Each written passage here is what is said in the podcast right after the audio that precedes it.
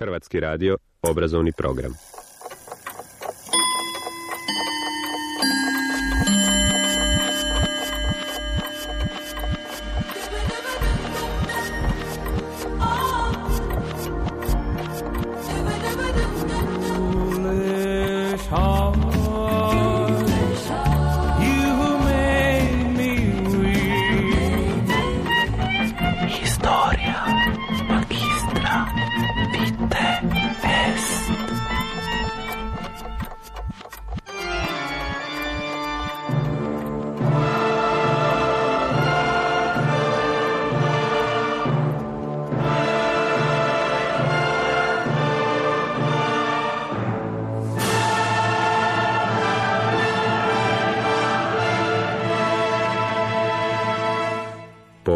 Četvrtkom.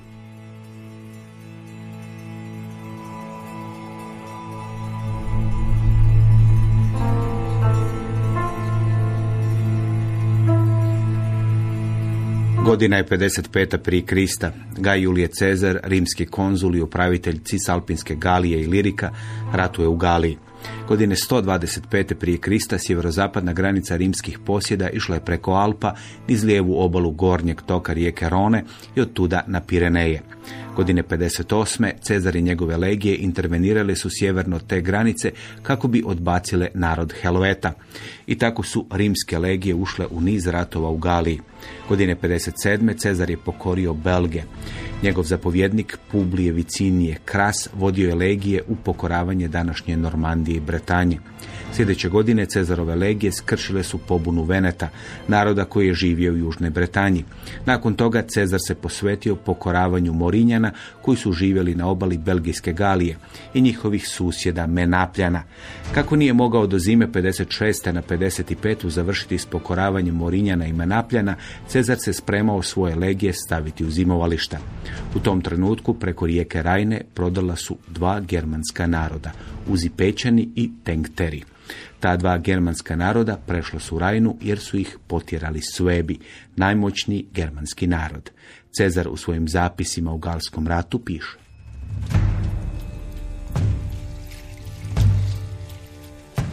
Više su se godina uzipečani i tenkteri suprotstavljali prodoru i sili sveba, ali su ih ovi ipak istirali iz njihove vlastite zemlje, pa su se morali poput nomada skitati po raznim krajevima Germanije, da bi nazad stigli do obala rijeke Rajne. U tom su kraju stanovali Menapljani i imali svoja polja na jednoj i drugoj obali rijeke, zatim kuće i sela. Menapljani, prestrašeni provalom tako moćna plemena, iselili su se iz svojih naselja koja su imali s one strane Rajne, te započeli i drugim Germanima sprečavati prijelaz. Ovi su sve moguće pokušavali, ali kako se zbog nedostatka lađa nisu mogli suprotstaviti ani potajno prijeći rijeku zbog menapljanskih straža, pretvarali su se kao da žele otići u svoj kraj. Onda su se poslije tri dana hoda vratili. Njihovo je konjaništvo taj put prevalilo za jednu noć. Zatim su iznenada napali menapljane, kad oni nisu to ni slutili, a još se manje nadali. Zašto bi se Gaj Julije Cezar brinuo o provali dva germanska naroda preko Rajne? U svojim zapisima on piše kako je pokrenuo svoju vojsku zimovališta kako ne bi došlo do strašnijeg rata. Pod pojmom strašni rat Cezar je podrazumijevao udruživanje Gala i Germana protiv njegovih legija.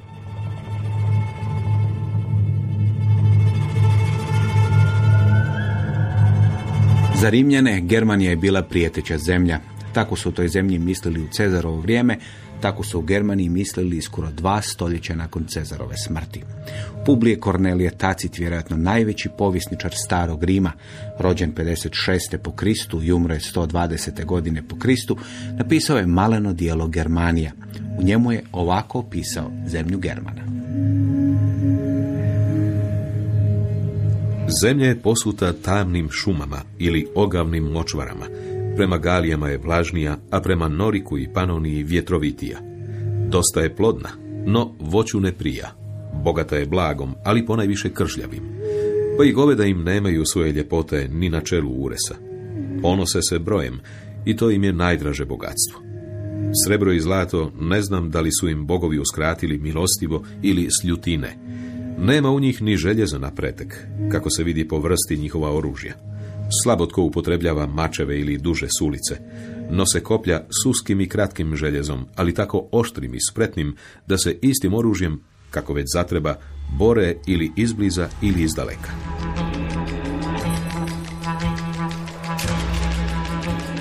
Nakon što je pokrenuo vojsku iz zimovališta, Cezar je krenuo u pregovore s germanskim narodima.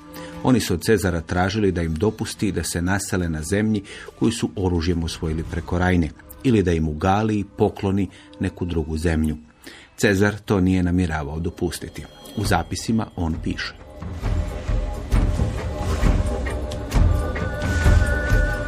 Svoj govor završio ovako. Ja ne mogu biti vaš prijatelj ako i dalje ostanete u Galiji. Nije pravedno da tuđu zemlju prisvoje oni koji nisu vrijedni da brane svoju. Osim toga, nema pustih i nenaseljenih krajeva u Galiji, a da bi ih mogao bez kršenja tuđih prava predati tolikom mnoštvu vašega plemena. Ukoliko ipak želite, vi se možete naseliti u zemlji ubijaca, jer su se njihovi poslanici nedavno potužili na nasilja sveba, te zamolili pomoć. Ja ću ostalom ubijcima to zapovjediti.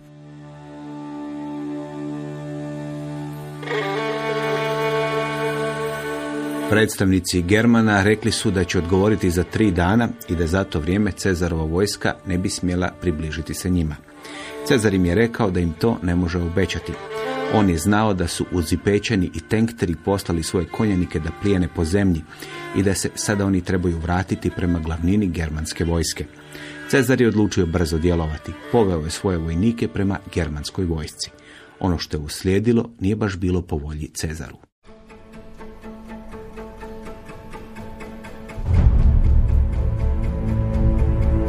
Cezar je svoju vojsku dovodio bliže Germanskoj. Ispred glavnine vojske bila je rimska konjica koja je trebala izviđati i spriječiti iznenadan napad. Cezar je svom konjeništvu naredio da se ne upušta u bitku bez glavnine vojske. Ako ih već neprijatelji budu izazivali, konjica se treba povući i pričekati glavninu vojske. Konjanici naredbu nisu poslušali. Cezar piše. Kad su neprijatelji opazili naše konjenike, kojih je bilo pet tisuća, dok su neprijatelji imali nešto više od osam stotina, jer se još nisu povratili oni koji su preko rijeke Mose otišli po žito, odmah su navalili na naše, omeli im redove, jer se naši nisu nadali tome iznenadnom zlu, kad su upravo malo prije njihovi poslanici bili otišli od Cezara i za taj dan tražili primiri. Ipak, kad su se naši konjenici ponovno sredili i pribrali, neprijateljski su konjenici prema svojoj navici poskakali s konja, proboli su naše konje kad su se podvukli ispod njih i na taj način oborili mnoge rimske konjanike. Ostale su natjerali u bijeg i onda ih prestrašene tjerali dalje. Naši nisu u paničnom strahu prestali bježati dok nisu stigli na očigled svoje vojske.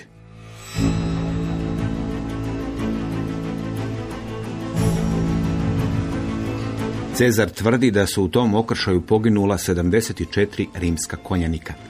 Nije to bio veliki gubitak, ali sramota je bila ogromna. Rimska vojska koja se u Galiji borila protiv niza naroda sada je bila poražena od germanskih naroda. Cezar je dobro znao da tu sramotu treba brzo izbrisati. Dan nakon tog okršaja poveo je svoju vojsku u bitku. U njoj je glavnina germanske vojske poražena, ali to Cezaru nije bilo dovoljno.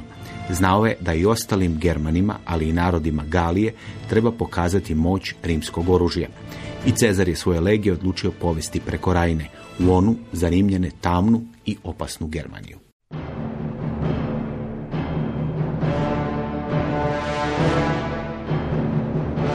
Kako je Cezar namjeravao prijeći Rajnu? Najjednostavniji način bio bi brodovima, čamcima i splavima. Rajna je moćna rijeka, ali ako su je na taj način prešli germanski narodi, onda su to mogle učiniti i rimske legije.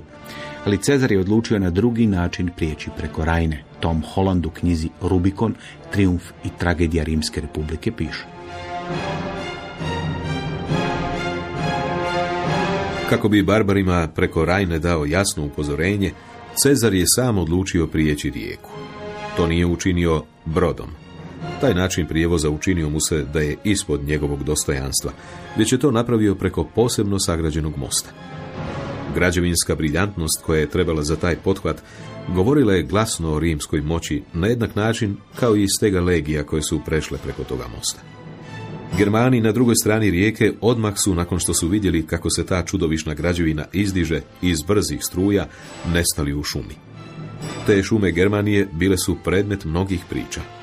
Govorilo se da se njima kreću razna čudovišta i da se protežu tako daleko da je čovjek mogao hodati dva mjeseca i još uvijek ne izaći iz nje. Cezar, gledajući u tu tminu, nije namjeravao provjeravati te priče. Pustio je Germane da se kriju u sjenama. Spalio je njihova sela i usjeve i onda se preko Rajne vratio u Galiju. Cezar je tim mostom namjeravao pokazati Germanima protiv koga se sada bore.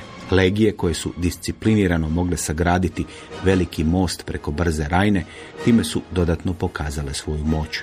Cezar je u svojim zapisima ovako opisao gradnju tog mosta preko Rajne. Spajao je dva balvana debela stopu i pol, a ti su odozdo bili zašiljeni i prema dubini rijeke izmjereni. Bili su udaljeni jedan od drugoga dvije stope. Kad bi ih strojevima spustio u rijeku, onda bi ih zabio batom, ali ne okomito kao stupove, već koso, poput krova, da polegnu niz vodu. Onda bi nasuprot ovima postavio dva balvana spojena na isti način, ali niže u razmaku od 40 stopa. Oni su bili okrenuti prema jakoj struji rijeke. Balvane su od ozgo rastavljale umetnute prečnice široke dvije stope. Toliko je iznosila spona balvana. One su s obje strane imale na kraju po dvije spojnice. Budući da su balvani na taj način bili rastavljeni, bolje razmaknuti i na suprotnu stranu pričvršćeni, gradnja je bila tako čvrsta, a i cijelo dijelo tako podešeno, da se jedno uz drugo to tješnje sljubljivalo, što je jača bila sila vode.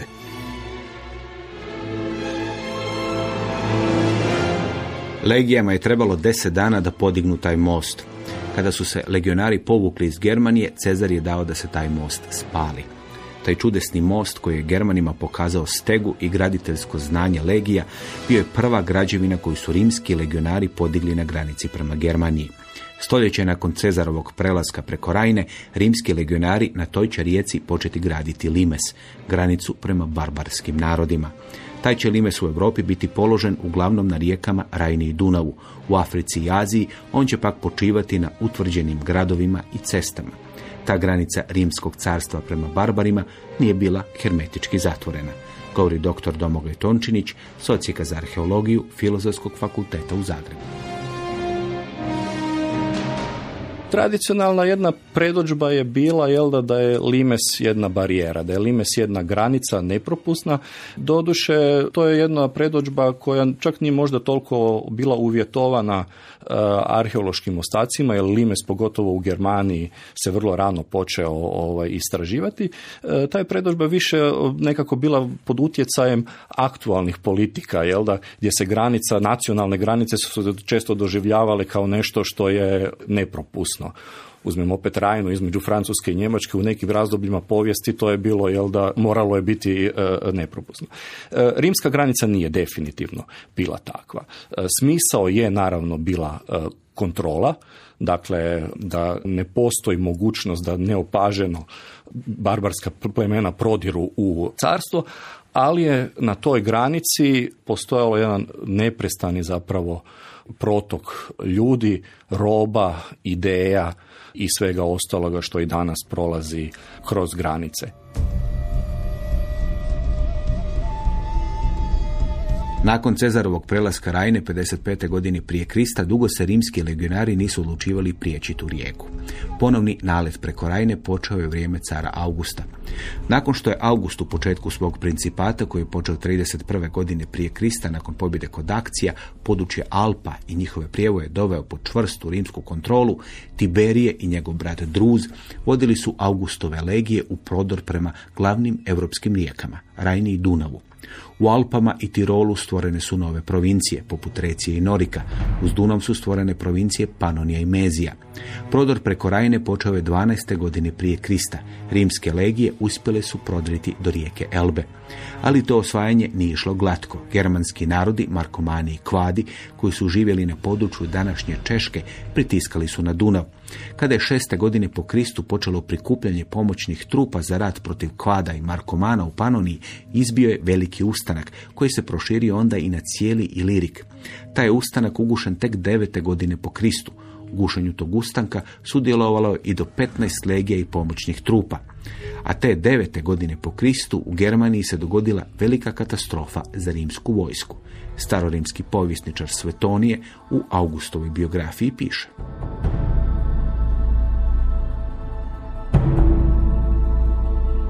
Germani su u Arminiju našli vođu izuzetnih sposobnosti. On je zamislio plan o oslobođenju Germana od rimske vlasti i o tome se potajno dogovorio s germanskim kraljevima. Quintilije Var, koji je lažno obavješten o pobuni jednog dalekog plemena, poveo je svoje legije u Teotoburšku šumu kako bi skršio ustanak. Tamo su ga u zasjedi čekali Germani kojima je sve išlo na ruku. Napredujući kroz uske klance, legije su izgubile bojni red. Zemlju i onako raskvašenu i mekanu, jer sunčevo svjetlo ne dopire do tla zbog gustih krošanja drveća, teške su kiše pretvorile u blatnjavo more. Bitka je trajala tri dana i sve tri legije s pomoćnim četama uništene su. Var se ubio bacivši se na mač. Ostarjelog je Augusta, kad je čuo za propast u Teutoburškoj šumi, obuzela tuga. Odjenuo je žalobno odijelo, pustio kosu i bradu i noću je lutao palačom udarajući glavom u dobratke, vičući Vare, vare, vrati mi legije. Katastrofa u Teutoburškoj šumi smanjila je broj Augustovih legija s 28 na 25. Za povratak na brojno stanje od 28 legija treba će pola stoljeća. Ostarjelog Augusta koji umro 14. godine po Kristu taj je poraz teško pogodio. On je odustao od daljnjeg osvajanja, pogotovo Germanije. Na granici na Rajni bit će razmješteno osam legija. Na Dunavu će biti raspoređeno njih sedam. Bio je to početak rimskog limesa. Nemoguće je braniti tolku jednu granicu hermetički. I uz mnogo veća financijska sredstva to jednostavno nikome ne bi pošlo za rukom, a Rimljani su naravno bili svjesni da je onda još bolja obrana uz e, vojsku na Limesu, da su dobri odnosi sa onima koji su neposredni susjedi u Barbariku. I Rim je poticao naravno te odnose, odnosno stvarao je federate, odnosno klijente, određenu vrstu tampon zona koje su trebale zapravo dodatno osigurati granicu carstva, a vođe takvih e, plemena, susjednih plemena su naravno nagrađivane sa ovaj e, oružjem, sa poklonima, e, sa novčanim jel da davanjima i to se onda jako lijepo odražava u arheološkoj ostavštini. Dakle, pogotovo oružja, mi imamo jako, jako puno rimskog oružja iz Barbarika u grobovima tog stanovništva koje je bilo u dobrim odnosima sa e, rimskim carstvom. Te tampon zone su naravno propuštale ove svoje plemenske e, narodnjake prema carstvu, tu da se odvijala trgovina i onda kroz razvoj rimske povijesti kada je ljudstvo za vojsku u rimskom carstvu postalo problem, preko granice dolaze jel da i pogotovo onda Germani koji ulaze u rimsku vojnu službu. Mnogi su onda na taj način stekli rimsko građansko pravo i onda se opet vraćaju u Barbarek i na taj način jel da i romanizacija zapravo, odnosno romaniziranje se provodi na području izvan rimskoga, eh, rimskoga carstva.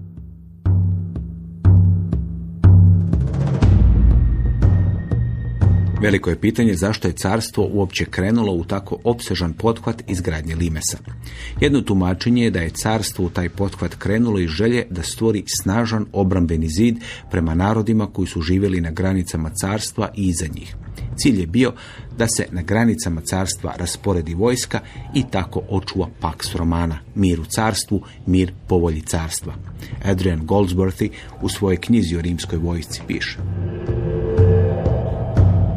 To gledište podržavaju drevni izvori, na primjer grčki govornik Elije Aristid, koji je u drugom stoljeću po Kristu usporedio vojsku sa zidom koji okružuje i čuva uljuđeni, naravno, rimski svijet.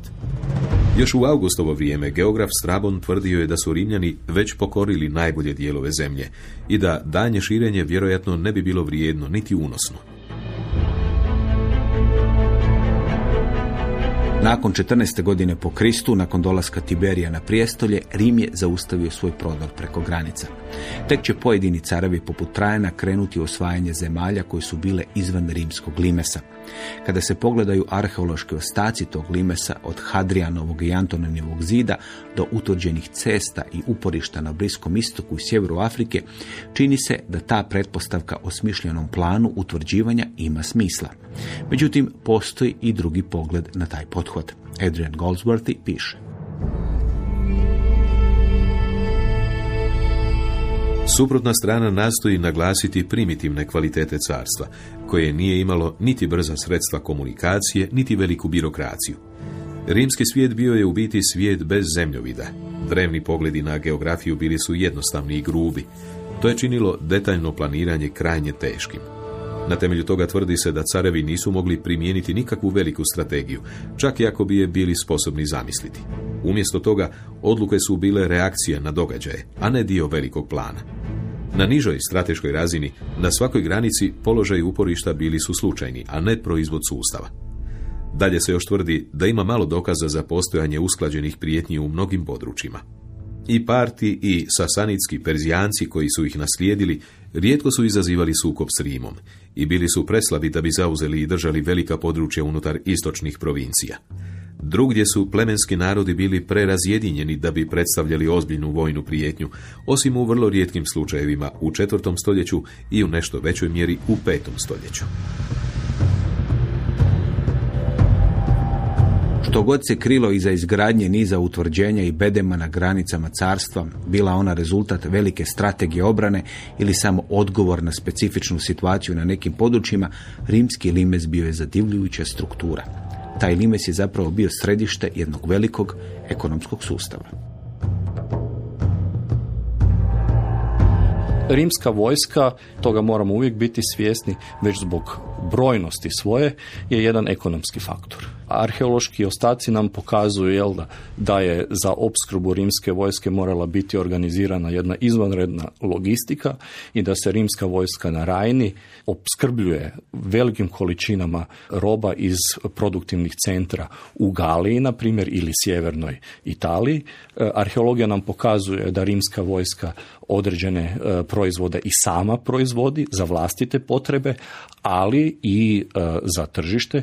Pečati na tegulama, na građevinskoj opeki su nam pokazatelj jel da, koliko rimska vojska zapravo proizvodi građevinskog materijala za velike infrastrukturne radove i rimska vojska naravno koristi i proizvode e, lokalnog stanovništva.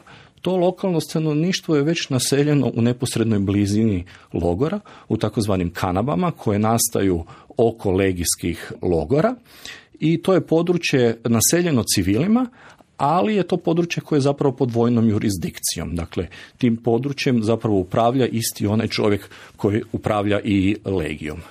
U tim e, civilnim naseljima, u kanabama oko legijskih logora žive e, obrtnici, trgovci i sve ono što vojska treba. Dakle, ovaj, prostitucija i tako dalje i tako dalje. Dakle, svi sadržaji koji e, privlače vojsku su, su tu i to su vrlo često jako velika civilna naselja koja brojem ljudi koji tu žive i nadilaze zapravo broj legionara u samom logoru. Naravno, kroz život jedne takve granice, kad je ona postala stalna granica, dolazi do toga da nakon 20-25 godina e, ljudi izlaze iz e, vojne službe i često se naseljavaju upravo opet u blizini onog logora u kojem su živjeli. Tu dolazi do one pojave da recimo nerimski građani, peregrini koji su služili u pomoćnim postrojbama, izlaskom iz vojske jel da dobivaju građansko pravo, naseljavaju se ovdje, a njihova djeca onda postaju zapravo opet regrutacijska masa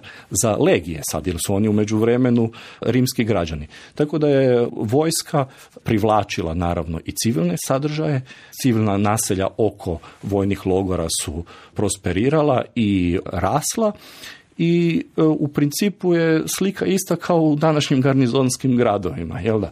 Vojska na osnovi broja e, ljudi koje tu je jednostavno jedan veliki ekonomski faktor.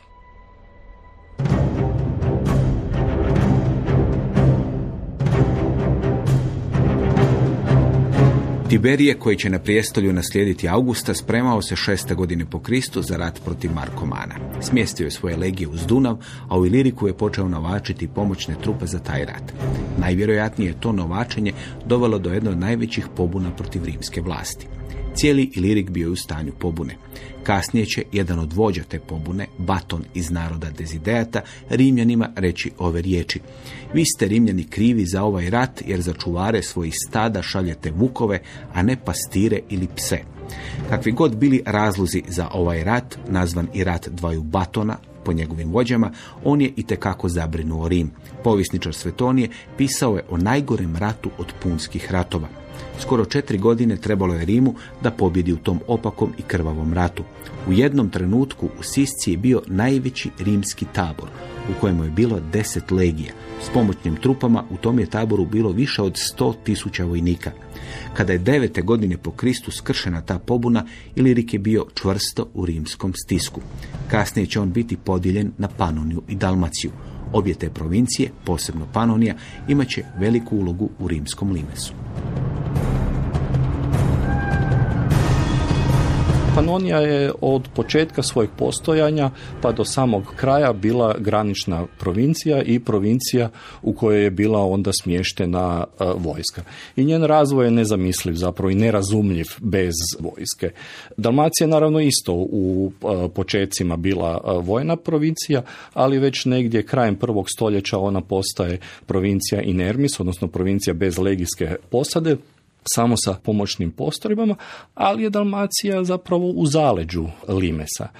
Vojska i legije su raspoređene jel da uz Dunav i Dunav postaje dakle dio rimskoga, rimskoga Limesa cijelim svojim tokom, e, no naravno da i zaleđe tu ovaj, onda profitira i da je zaleđe u velikoj mjeri obilježeno rimskom vojskom. To u Hrvatskoj na primjer vidimo na natpisima iz Osijeka, Mursa i Vinkovca Cibale koji su u neposrednoj blizini Limesa, odnosno u samom e, zaleđu i mi po natpisima vidimo u kojoj mjeri je vojska tu e, što aktivna, što veterani e, jako, jako zastupljena. Mi u Hrvatskoj imamo 188 km toka Dunava koji je bio sastavni dio Limesa i na tom području nemamo legijskih logora, ali imamo cijeli niz logora pomoćnih postrojbi koji su bili dakle od Batine na sjeveru preko Zmajevca vjerojatno u jednom trenutku i Osijek, zatim e, Dalj, Sotin i Ilok, to su glavni, glavne točke na, na hrvatskom dijelu e, Limesa na kojem su bile smještene e, pomoćne postrojbe.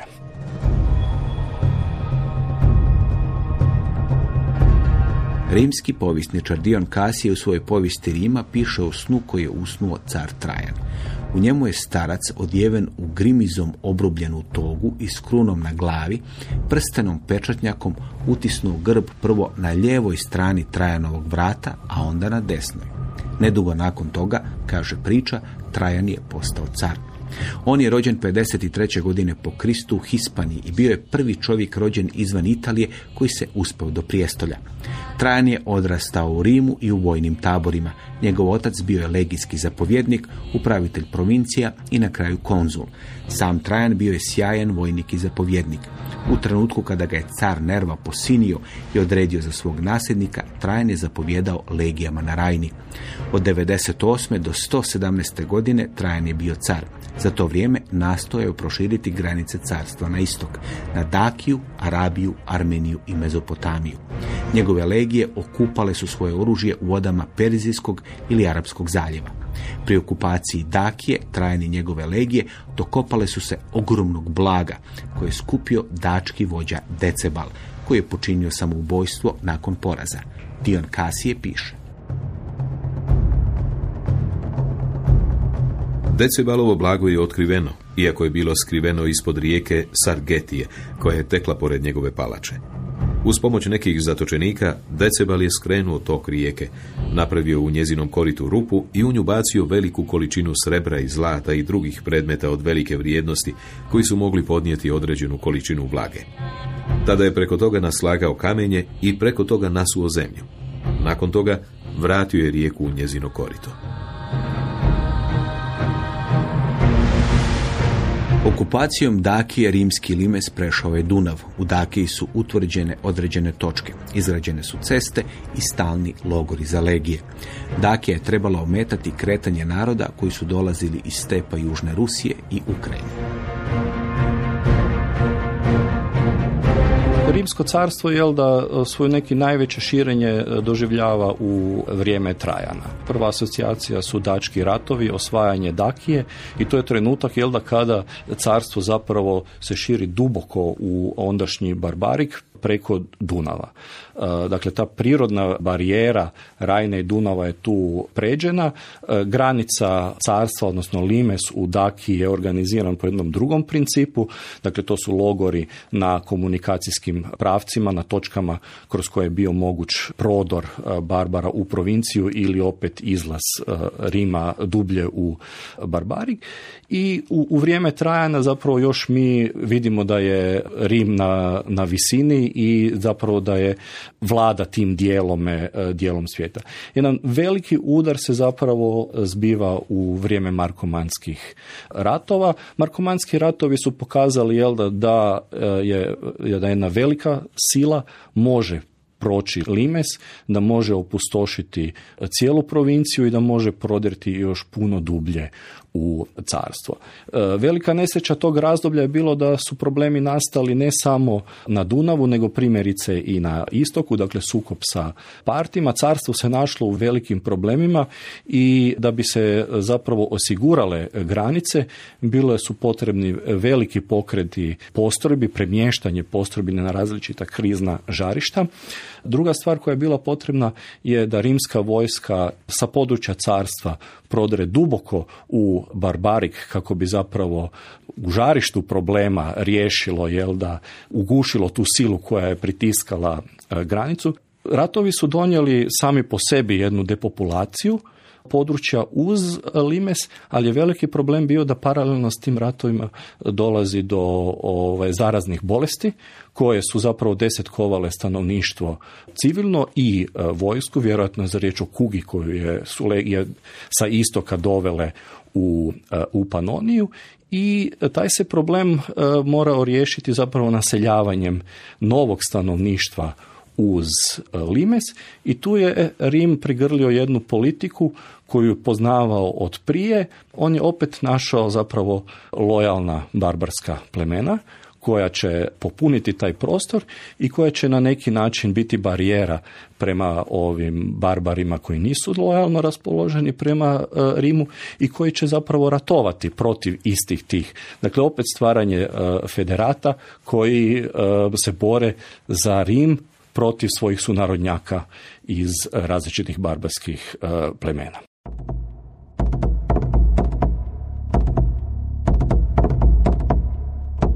Godine 230. i 231. perzijski kralj Ardašir I poveo je vojsku u napad na rimsku provinciju Mezopotamiju. Godine 232. rimski car Aleksandar Sever odgovorio je protuudarom, koji je brzo propao kada je vojska koju je predvodio sam car doživjela poraz od Perzijanaca. Ali teški gubici koje je pretrpjela perzijska vojska prisilili su je da se povuče iz Mezopotamije i car Aleksandar Sever mogao je u Rimu proslaviti triumf nad Perzijancima. Godine 233. granicu na Rajni prešli su Alemani. Car je s pojačanjem krenuo prema granici, ali je na savjet svoje majke odlučio pregovarati s Alemanima. Na kraju je car kupio mir s Alemanima. To je u vojsci izazvalo nemire i 235. godine vojnici su ubili Aleksandra Severa i njegovu majku. Za novog cara proglasili su Maksimina. On je bio prvi čovjek koji se od običnog vojnika uspeo do prijestolja. Bio je podrijetlom iz Strakije i odlikovao se velikom tjelesnom snagom. Rimski pisac Julije Kapitolin ovako opisuje Maksimina.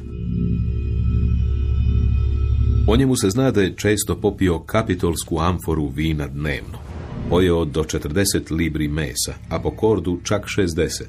Svi se slažu da nikada nije jeo povrće, a gotovo nikad nije pio čistu vodu, ukoliko ga ne bi prisilila žeđ. Svoj znoj često hvatao u pehare ili čaše, pa je pokazivao dva ili tri sekstarija znoja.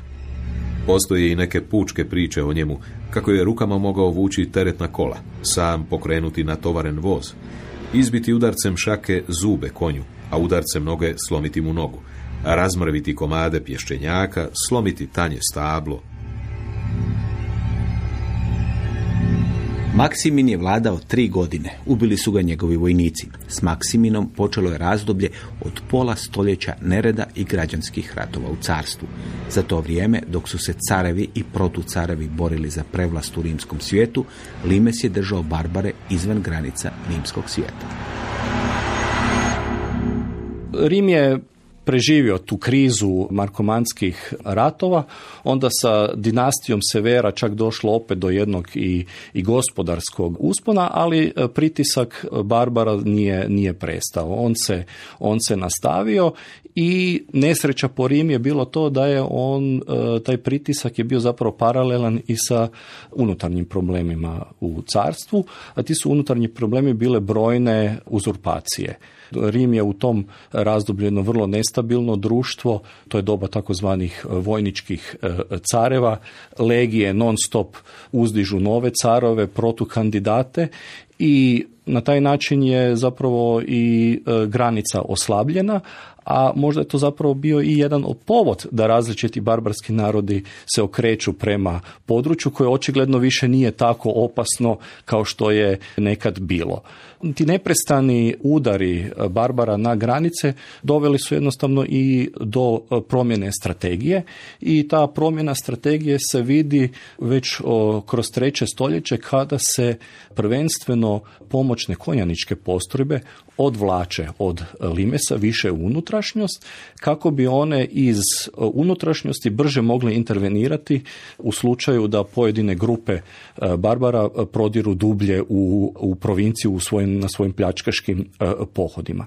I to je zapravo prvi korak u tom stvaranju jednog novog tipa vojske i ta reforma e, će u potpunosti biti zapravo provedena onda u doba tetrarhije kada se postrojbe dijele na limitaneje ili e, ripenzes, to su dio postrojbi koji boravi na samoj granici i koji je zapravo zadužen za onu prvu e, obranu i za e, javljanje opasnosti u unutrašnjosti, a unutrašnjost, a unutrašnjosti su komitaneji, dakle mobilne postrojbe koje se onda brzo i učinkovito mogu premještati već od žarišta do žarišta i te su postrojbe onda zadužene da zapravo progone barbare koji su prodirli u provinciju i da ih tjeraju natrag prema e, granici, ali su u tom razdoblju kada je postojalo puno e, uzurpatora i građanskih ratova, te postrojbe bile zapravo i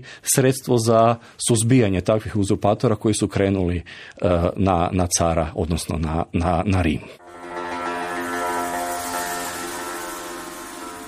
Godine 275. vojska je ubila cara Aurelijana. On je bio zadnji u nizu ilirskih careva. Prvi ilirski car bio je Klaudije II, kojeg je za cara izvikala vojska 268. godine. Klaudije II bio je rodom iz Naisusa, današnjeg Niša. Cijelog je života bio vojnik i ratovao je za carstvo. Car Galijen povjerio mu je zapovjedništvo nad konjicom. Kada su vojnici ubili Galijena, za cara su postavili dokazanog zapovjednika, Klaudija. On je vladao samo dvije godine, ali u to kratko vrijeme uspio pobijediti Gote kod Naisusa i tako ukloniti jednu veliku prijetnju carstvu. Dok se spremao na pohod protiv Vandala, umro od neke bolesti, možda kuge, i naslijedio ga je njegov zapovjednik konjice Aurelijan, također podrijetlom iz Ilirika. Aurelijan je vladao pet godina i vladao je tako dobro da je dobio nadimak obnovitelj svijeta. Rimski pisac Flavijevo Pisko ovako opisuje tog cara ratnika rođenog u Iliriku. Bio je lijep i naočit, zgodan muškarac, više grasta, snažnih mišića, ponešto sklon vinu i jelu, rijetko kad spolno pohotan, krajnje strog, iznimno discipliniran, uvijek spreman potegnuti mač. Aurelijan je također bio veliki graditelj. Dao je da se oko Rima sagradi 20 km dugi zid od cigle. Taj zid bio najveći obrambeni sustav do tada podignut oko Rima.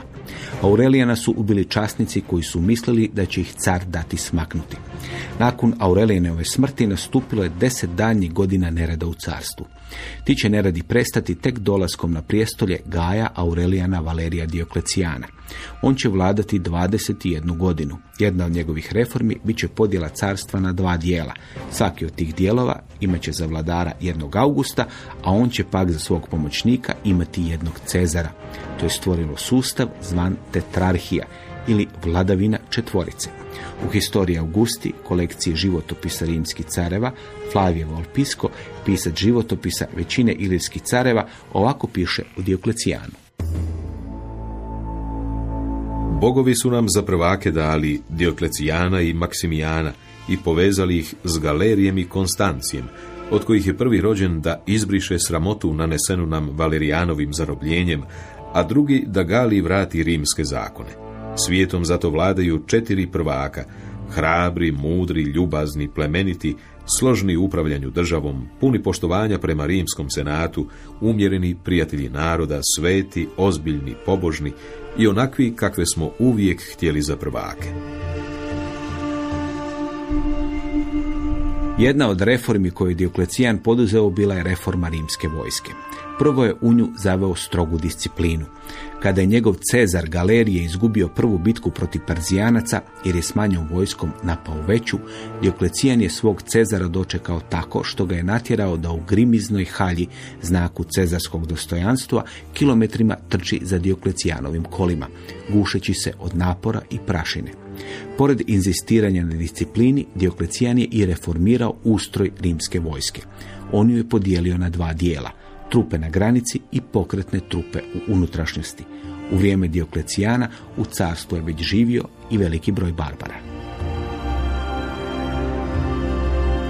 Dakle, to, je pojava koju izrazitije počinjemo pratiti od markomanskih ratova nadalje. E, U trenutku kad dolazi do depopulacije na području e, carstva, vi jednostavno e, to područje morate nekim naseliti. Demografski to je uvijek moguće sa područja barbarika, to je politički oportuno, jer onda jedan dio tih ljudi kontrolirate na svojem području, odnosno kupili ste ga jel da, sa zemljom koja je dodijeljena, dali ste mu zadaću da opet brani carstvo protiv vlastitih sunarodnjaka koji su još uvijek s druge strane e, Limesa. I to je opet stanovništvo koje naravno ne dolaze samo vojska, nego dolaze i civili, koje ovaj, je i gospodarski faktor. Opet on radi i na obnovi provincije i opet dolazi do jednog gospodarskog e, uspona. I to je jedna politika koju ćemo onda gledati od trećeg stoljeća nadalje u sve većoj i većoj mjeri, jer jednostavno e, je bio najveći bio problem ko će braniti granicu u pomanjkanju e, ljudstva, a s druge strane, kroz tu politiku kupovanja, e, kupovanja mira s ove i s one strane granice koju zapravo znamo kroz čitavu povijest Limesa, u Barbariku se stvara e, jedno društvo koje je ratničko društvo.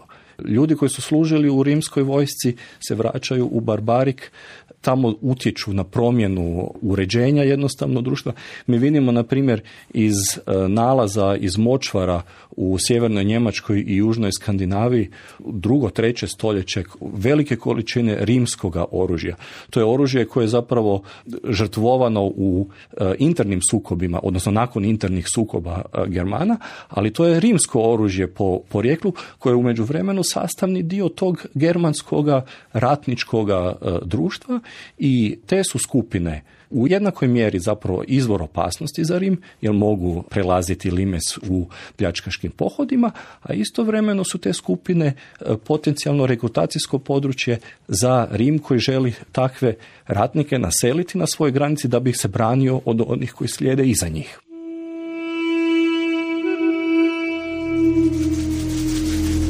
Najspektakularniji dijelovi rimskog limesa su nasipi, zidovi i jarci. Takvi građevinski pothvati bili su rezervirani samo za dijelove Limesa, za sjevernu Britaniju, Gornju Germaniju, Reciju i neke dijelove Limesa u sjevernoj Africi. Ostatak Limesa sastojao se od cesta, utvrda i utvrdica, nadzornih tornjeva i legijskih logora u pozadini. U Gornjoj Germaniji zidovi, nasipi i jarci pokrivali su granicu od današnjeg grada Koblenca preko Frankfurta do Stuttgarta. Gdje nije bilo zida, nasipa i jaraka, prepreku su predstavljale rijeke. Na sjeveru Britanije Kadrijanov zid protezao se u dužini od 117 km, od današnjeg Bownessa na Solvaju na zapadu do Wallsenda na istoku.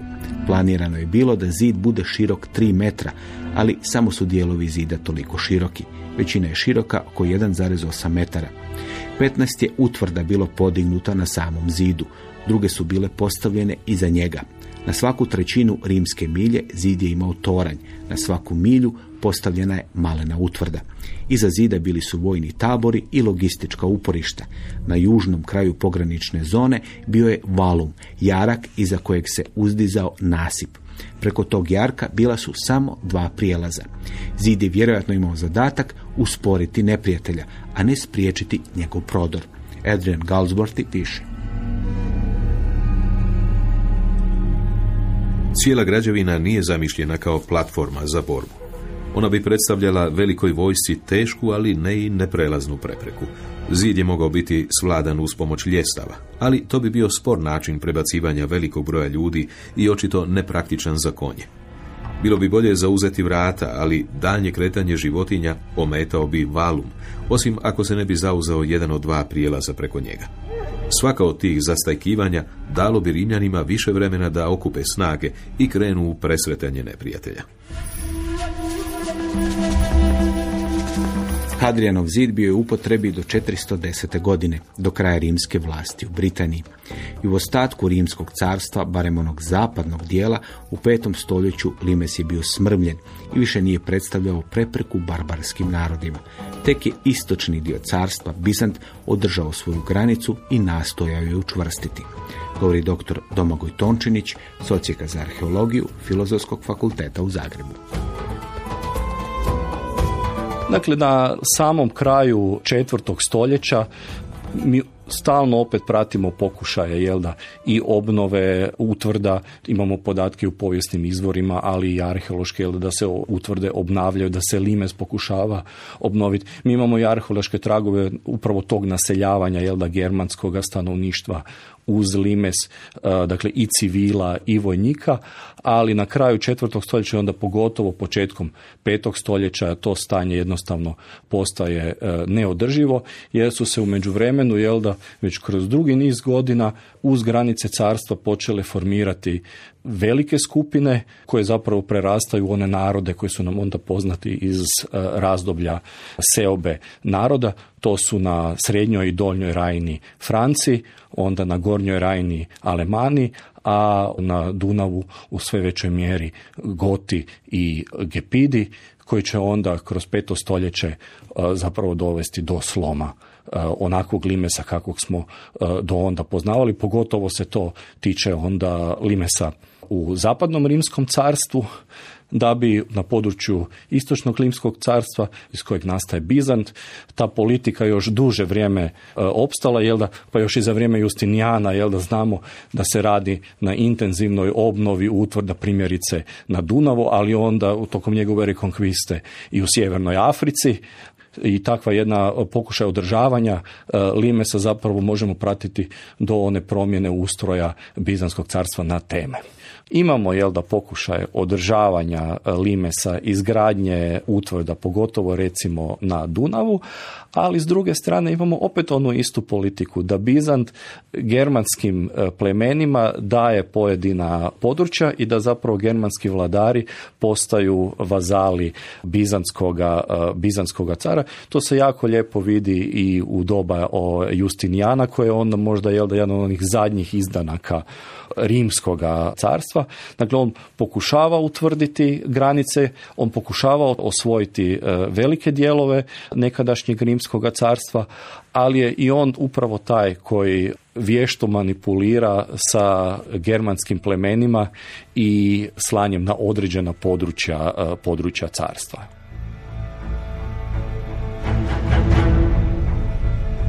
Poštovane slušateljice i slušatelji, slušali ste povijest četvrtkom emisiju obrazovnog programa Hrvatskog radija. Današnju emisiju za vas su napravili tekst čitao Ivan Kojundžić, emisiju snimio Miroslav Šeb, a u i vodio Dario Špelić. Lijep pozdrav i do slušanja.